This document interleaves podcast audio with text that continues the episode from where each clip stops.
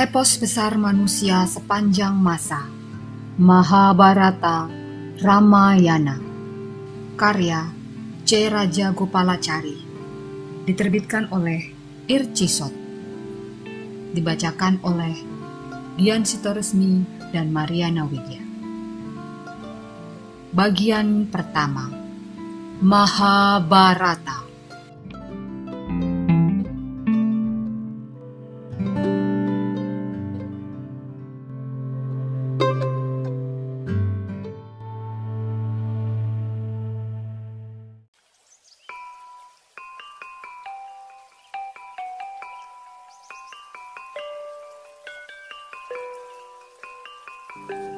Bab 83 Baju Perang Pinjaman Ketika mendengarkan cerita Sanjaya tentang keberhasilan Arjuna, Destarata berseru.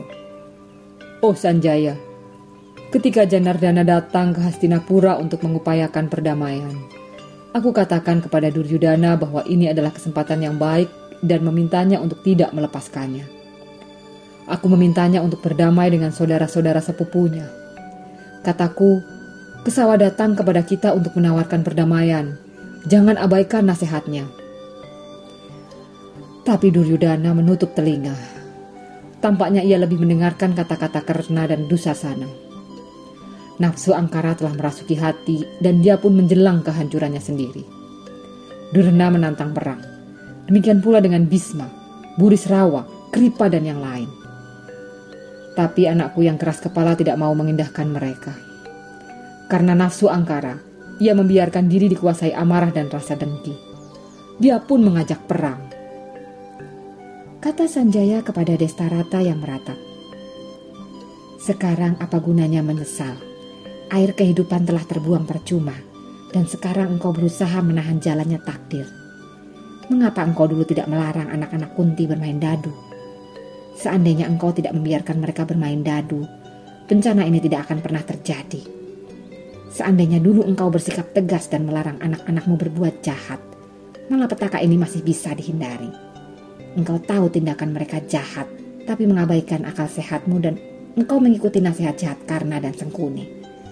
Sekarang, Yudhistira, Kesawa, dan Durna tidak lagi menghormatimu seperti dulu. Sekarang, Wasudewa tahu kebaikanmu hanyalah kebohongan. Saat ini para Kurawa berjuang bertarung sekuat tenaga sebagai satria tapi mereka bukan tandingan Arjuna, Krishna, Satyaki, dan Bima. Tidak semestinya engkau menyalahkannya atau bala tentaranya yang setia. Kata raja tua yang buta itu. Sanjaya, aku melalaikan kewajibanku. Benar yang kau katakan. Tidak ada yang bisa mengubah jalannya takdir. Ceritakan padaku semua yang terjadi, biarpun itu tidak mengenakkan hatiku. Seperti yang diperintahkan raja, Sanjaya melanjutkan ceritanya. Duryudana murka ketika melihat Arjuna terus melaju semakin mendekati Raja Sindu. Ia segera bergegas ke arah Durna dan protes keras.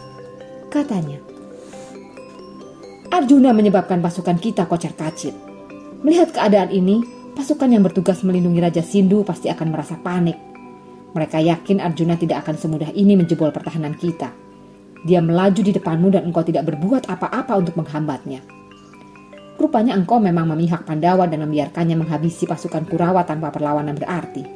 Aku amat gundah. Lalu ucapnya kembali, Guru, katakan apa salahku padamu? Mengapa engkau membuatku kecewa seperti ini? Jika aku tahu engkau akan bersikap demikian, aku tidak akan meminta Raja Sindu untuk tetap tinggal di sini. Aku salah besar tidak membiarkannya pulang ke negerinya. Jika Arjuna menyerangnya, dia tidak mungkin lepas dari bayangan maut.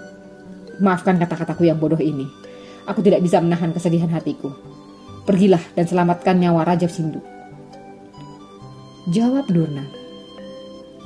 Tuanku Raja, tidak ada gunanya menanggapi kata-kata yang diucapkan tanpa pikir panjang. Engkau itu seperti anak bagiku, bahkan lebih kusayang daripada Aswatama sendiri. Lakukan seperti apa yang aku katakan kenakan baju perang ini. Pergilah dan hentikan Arjuna. Aku tidak bisa mengejarnya karena aku harus memimpin pasukan di sini. Lihatlah di sana, hujan panah. Pasukan Pandawa menyerang kita.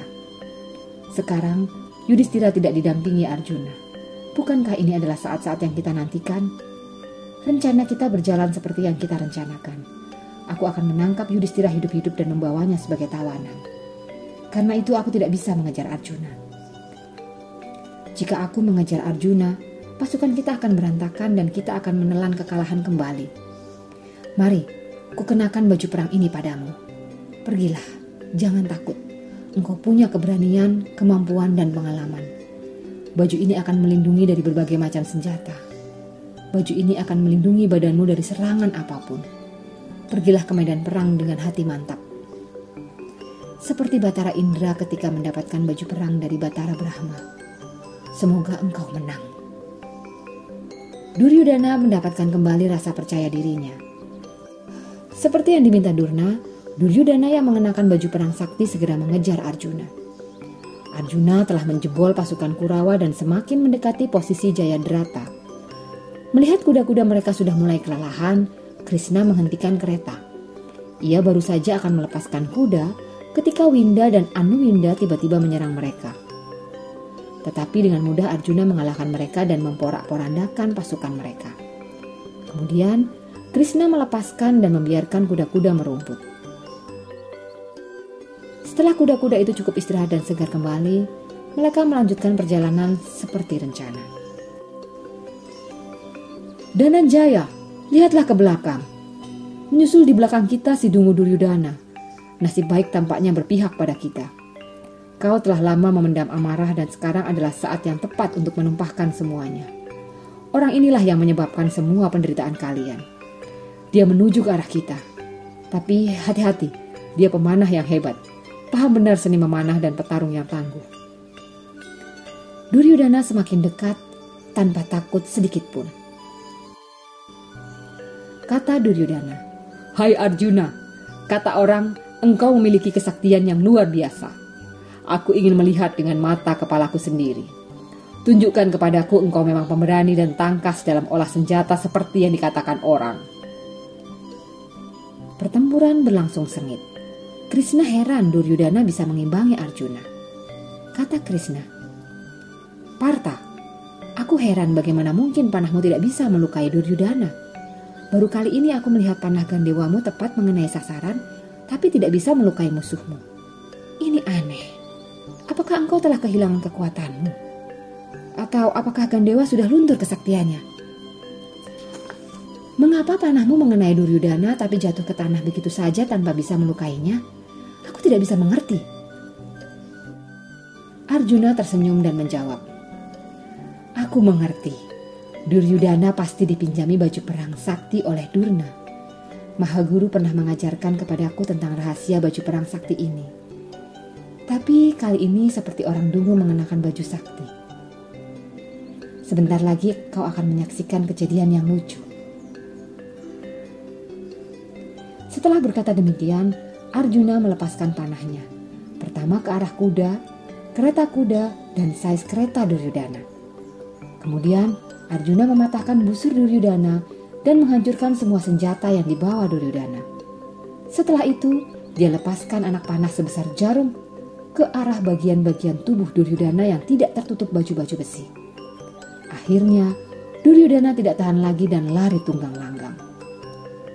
Ketika Duryudana berhasil dipukul mundur, Krishna meniup trompet kerangnya dan suaranya yang membahana membuat berdiri bulu kuduk pasukan Jayadrata. Para kesatria yang ditugaskan untuk melindungi Raja Sindu terkejut mereka langsung meloncat ke kereta kuda. Budisrawa, Cala, Karna, Dihasena, Kripa, Salya, Aswatama, dan Jayadrata.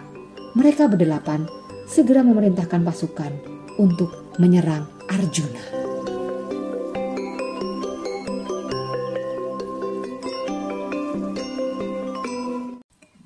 Dengarkan kisah selanjutnya di episode berikutnya.